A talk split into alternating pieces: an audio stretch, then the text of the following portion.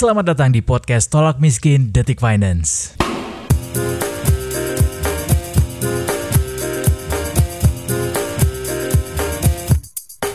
Pandemi COVID-19 ternyata sudah mencapai bulan ke-7 uh, detikers uh, paling enggak ya dari sejak Maret sampai ke saat ini bulan Oktober itu sudah tujuh bulan dan uh, sebelumnya sebelum ditetapkan pandemi total totalnya ini COVID-19 udah kita ketahui ada di muka bumi ini sudah mencapai 10 bulan. Nanti sampai akhir tahun sudah setahun artinya. Nah, uh, kalau kita flashback lagi di akhir Juli lalu itu waktu zamannya vaksin COVID-19 uh, baru tiba di Indonesia yang rame-ramenya bahwa uh, vaksin COVID-19 asal negeri China yaitu buatan Sinovac itu akhirnya tiba di Indonesia yaitu di Bandung.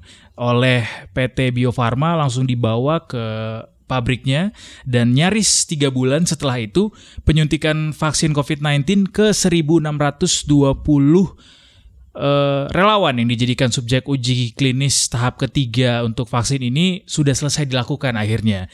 Nah, tahapan selanjutnya adalah pemberian suntikan kedua dan pengamatan et efikasi atau khasiat dari ka, dari vaksin ini dan juga keamanannya kepada subjek yang disuntikan.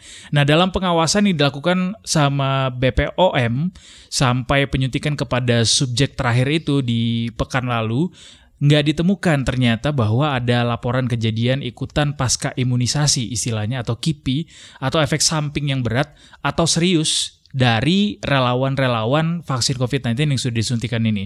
Nah, selama masa penyuntikan ini Badan POM itu sudah menyatakan akhirnya bahwa tidak ada reaksi yang berlebihan atau serious adverse event, hanya reaksi ringan seperti umumnya pemberian imunisasi. Jadi artinya ini e, berita baik ya buat uji klinis e, tahap ketiga dari vaksin COVID-19 ini. Nah, hasil dari uji klinis di Bandung ini nantinya akan digabungkan sama uji klinis fase 3 lainnya dari berbagai negara yaitu Brazil, Chili, Turki dan juga Bangladesh untuk vaksin CoronaVac atau vaksin buatan Sinovac ini.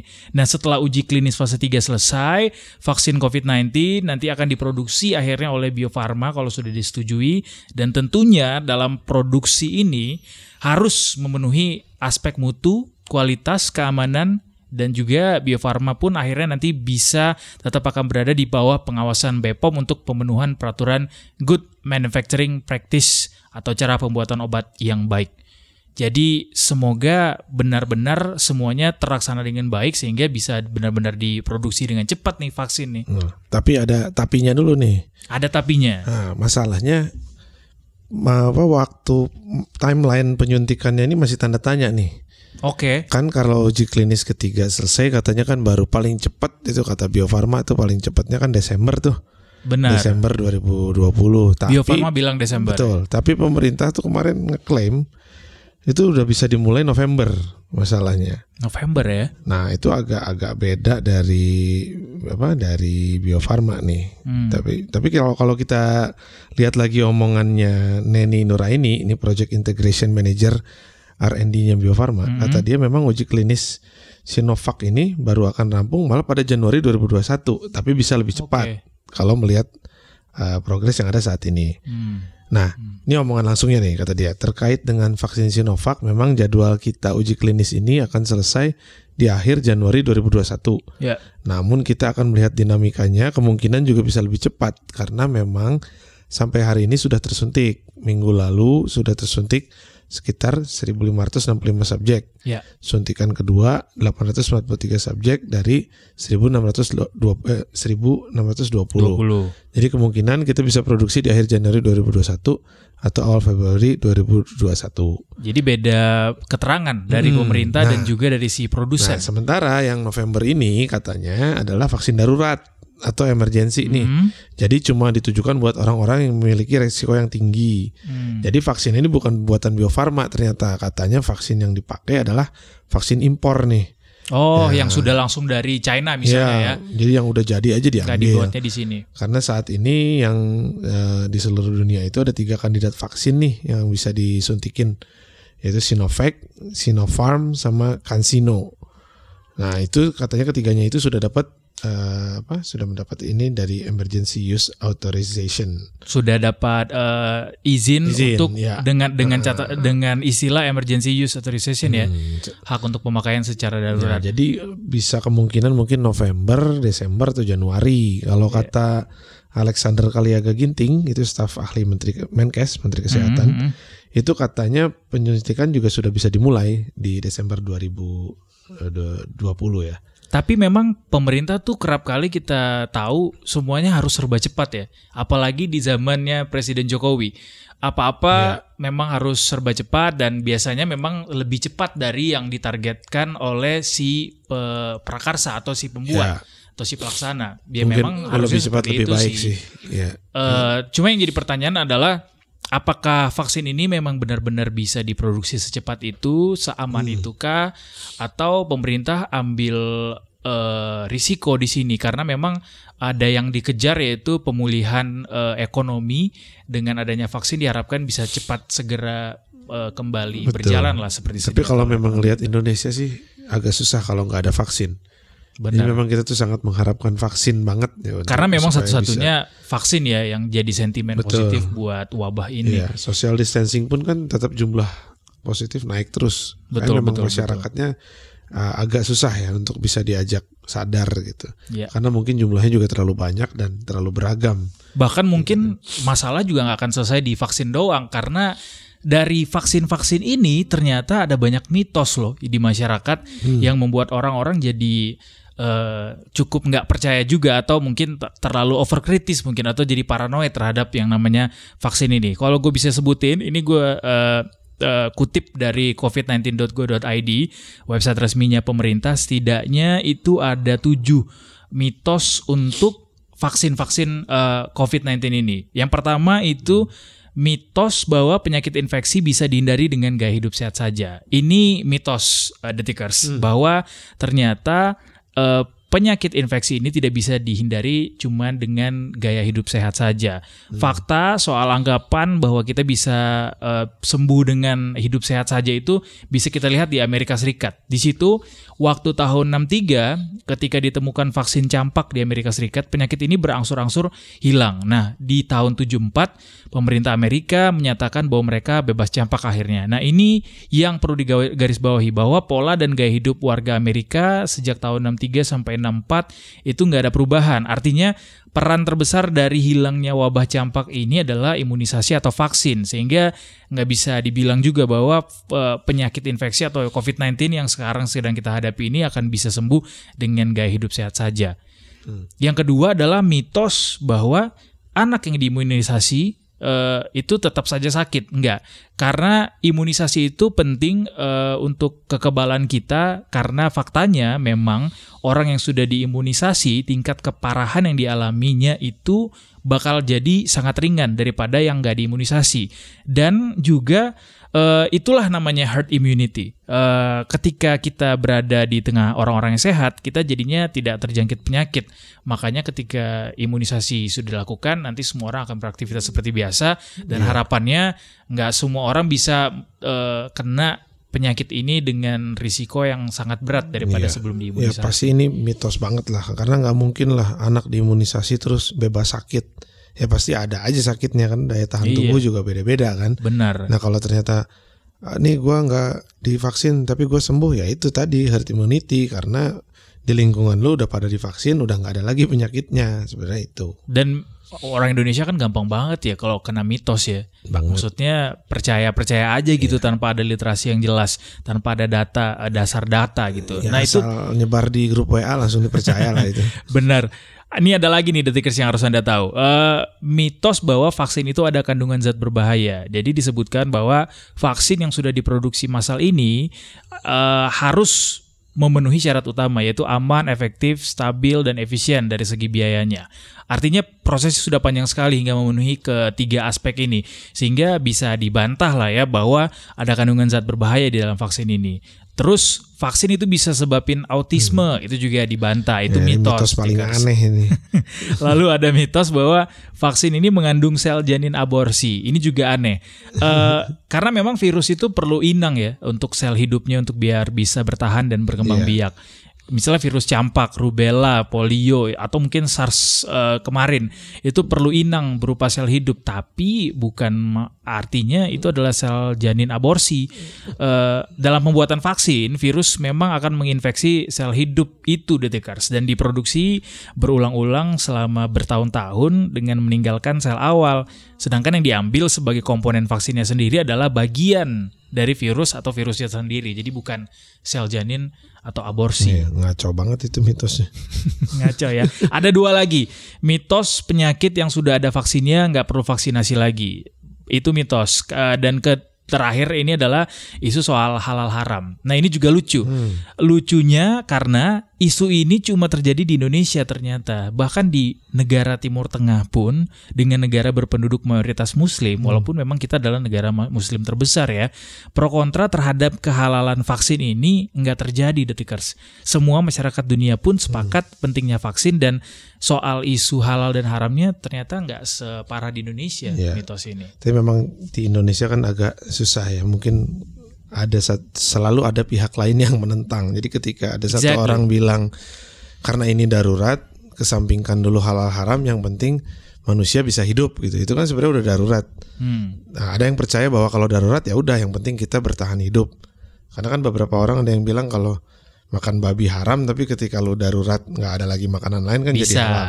Nah, tapi mungkin ada beberapa pihak lain juga yang bilang ya ini kan nggak darurat-darurat amat sebenarnya bisa dibikin vaksin yang halal exactly. atau bla bla bla itulah yang bikin jadi agak panjang sampai pemerintah juga harus mastiin benar sampai, sampai ngirim MUI ya ke China sampai wakil presiden sendiri itu ngomong langsung bahwa vaksin yang akan disuntikan kejutaan masyarakat Indonesia ini yeah. sudah lewat tahap uji klinis yeah. dan sudah sesuai syariat Islam dan hadis-hadis Nabi Muhammad Wasallam. Jadi uh, halal ya? Nah harusnya sih kalau misalnya udah MUI dan udah wakil presiden kita yang kiai itu bilang uh -huh. Halal ya seharusnya sih udah nggak ada masalah harusnya ya. Bismillah ya. Nah.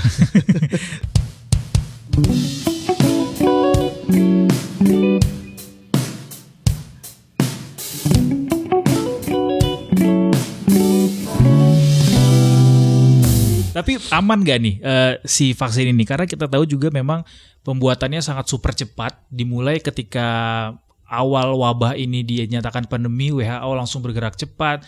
Para perusahaan farmasi di seluruh dunia juga langsung bergerak cepat untuk meneliti hmm. virus ini, untuk mengembangkan vaksinnya. Sampai pada saat ini di bulan 10 sudah ada sudah banyak sekali berita yang menyatakan bahwa vaksin bisa segera diproduksi, segera disuntikan. Di Indonesia sendiri akan dimulai pada akhir tahun atau awal tahun depan. Nah, ini jadi pertanyaan, hmm. aman atau enggak? Sebenarnya gampangnya gini ya kalau aman atau enggak. Kita kan orang awam. Hmm. Kita nggak ngerti nih kita tanya aja yang ke yang ngerti. Kalau di masalah ini berarti kan WHO. Iya dong. Nah, kalau nggak kan siapa lagi? Yang Iya. Kita yang awam masih nggak percaya WHO ya ya udah mau percaya siapa lagi kan? Exactly. Ya udah mereka tim terbaik dunia lah katakanlah sekarang yang ada.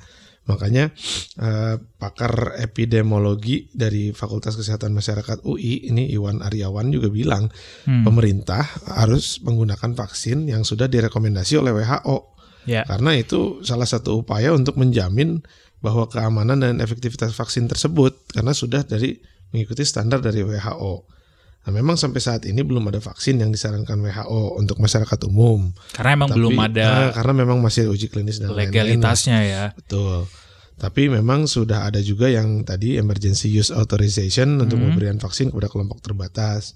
Nah, hmm. mungkin pemerintah masih bisa berdiskusi dulu nih dengan para pakar, yeah. dengan para dengan orang-orang WHO supaya bisa uh, clear lah uh, keamanan si vaksin tersebut. Kan WHO juga sudah kasih rekomendasi kan ke beberapa negara.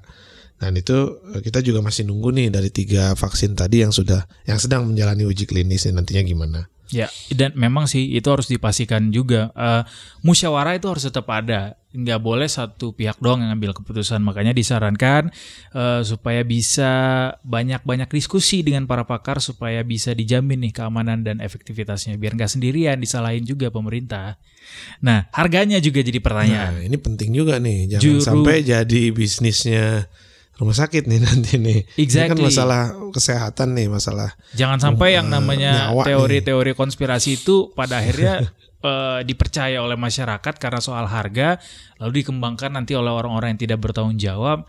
Ya begitu, makanya harus dijamin juga sama pemerintah bahwa harganya uh, terjangkau dan bisa ditekan uh, semaksimal mungkin. Makanya ini dibilang Betul. sama juru bicara pemerintah untuk penanganan COVID-19 yaitu Profesor Wiku Adisa Smito yang bilang bahwa pemerintah nggak akan memberatkan masyarakat soal harga vaksin. Jadi dijamin bahwa harganya itu akan terjangkau katanya. Kalau dari Bio Farma, sang produsen uh, Korseknya Bambang Herianto bilang bahwa harga vaksin COVID-19 ini nantinya akan ada di kisaran 200 ribu rupiah. Harganya ini uh, memang masih perkiraan, kemungkinan bisa di bawahnya juga atau mungkin lebih tinggi. Tapi kalau eh, soal harga Ya pasti bisa lah. Uh, eh, gue yakin sih pemerintah akan sangat toleran dengan yang namanya harga ini nggak iya. semata-mata. Karena juga ada yang gratis ya katanya ya. Betul. Beberapa apa? Beberapa pihak ada yang dapat gratis kayak yang terdaftar di BPJS Kesehatan Betul. itu semua akan dikasih gratis. Karena itu mungkin salah satu pemerintah buat ngesubsidi juga bahwa menjamin bahwa semua warganya kan bisa dapat. Karena nggak mungkin lah pemerintah pelit-pelit orang ini warganya sendiri. Masalahnya kalau warga nggak dapet kan yang bahaya ke warga yang lain. Exactly. Makanya pasti mereka cari cara lah pemerintah nggak mungkin uh, apa memberatkan rakyatnya dengan dengan urusan hidup dan mati kayak gini. Benar. Dan gue setuju banget, memang uh, harga ini harus sangat sangat dijaga dan penyebarannya juga uh, mekanisme penyebaran vaksin ini juga harus dijaga. Jangan sampai orang-orang yang uh, lebih kuat mendapatkan ini pertama dan mendahului orang lain yang mungkin dianggap uh, lebih membutuhkan gitu loh. Iya. Tapi setelah divaksin itu bisa jamin nggak sih kalau kita nggak akan kena corona lagi nih? Itu kan pasti jadi pertanyaan juga kan? Betul betul. Apakah betul. kita udah disuntik jadi, terus jadi kita bebas gitu, ya. kita buka masker apa segala macam. Tapi gitu. seperti eh, kejadian-kejadian sebelumnya dengan berbagai macam wabah yang sudah terjadi di puluhan ratusan tahun yang lalu, memang yang namanya imunisasi atau vaksinasi itu nggak menjamin orang bakal bebas dari yang namanya penyakit itu. Tapi paling hmm. nggak dia akan mendapatkan uh, dampak yang jauh lebih ringan daripada sebelum divaksinasi. Jadi memang uh, tidak dipastikan juga hmm. bahwa tidak yeah. bisa iya. dipastikan juga bahwa kalau misalnya sudah diimunisasi nanti bakal bebas nih sama yang namanya corona. Tetap kita harus patuhi yang namanya protokol kesehatan sih kalau menurut gua yeah. ketika nanti imunisasi sudah dilaksanakan. Seperti yang dibilang nih sama dokter Dirga Sakti Rambe yaitu dokter spesialis penyakit dalam dan vaksinolog Nah, vaksin ini jarang banget menimbulkan efek samping. Data kesehatan menunjukkan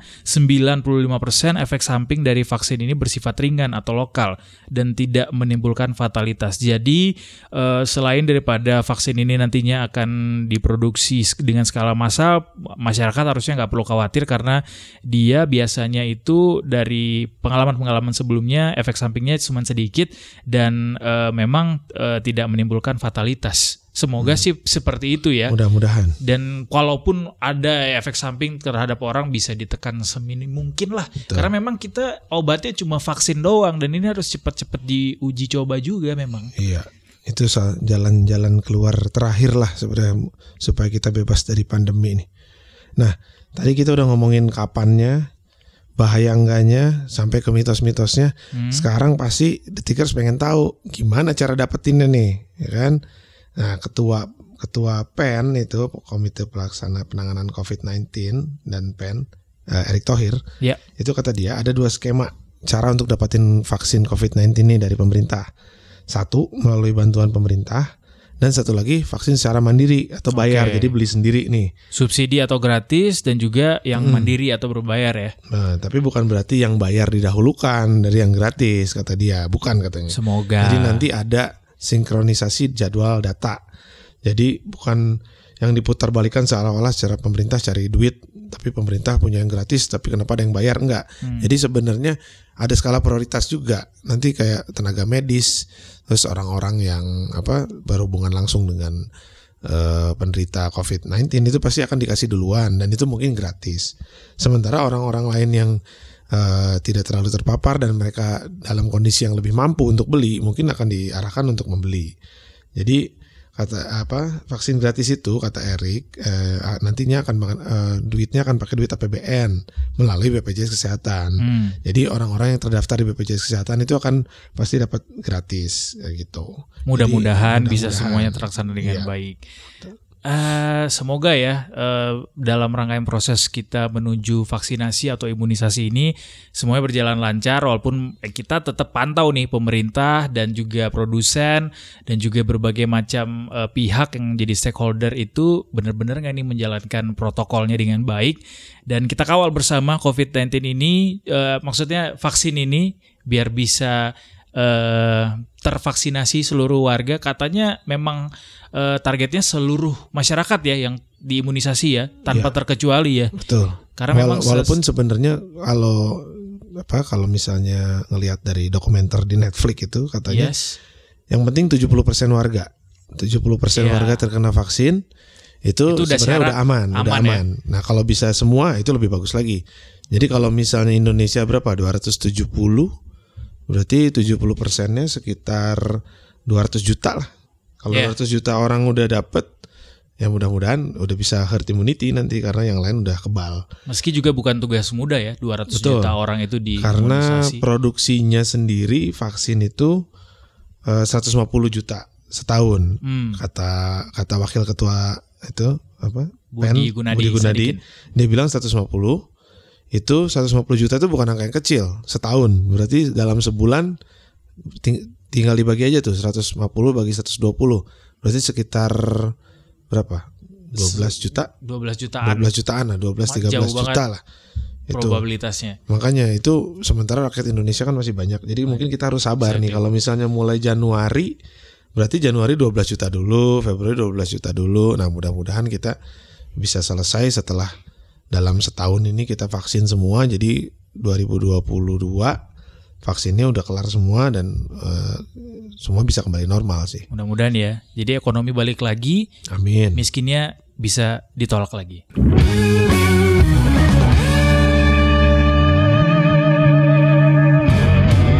Jangan lupa dengerin podcast-podcast Detik Finance berikutnya di podcast Tolak Miskin. Detikcom